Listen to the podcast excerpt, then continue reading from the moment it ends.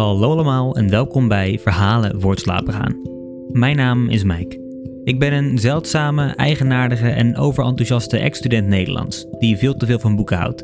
En in deze podcast probeer ik deze liefde op jullie over te brengen. Om de week lees ik soms een eigen, maar vaker de beste verhalen uit de Nederlandse en vertaalde literatuur voor.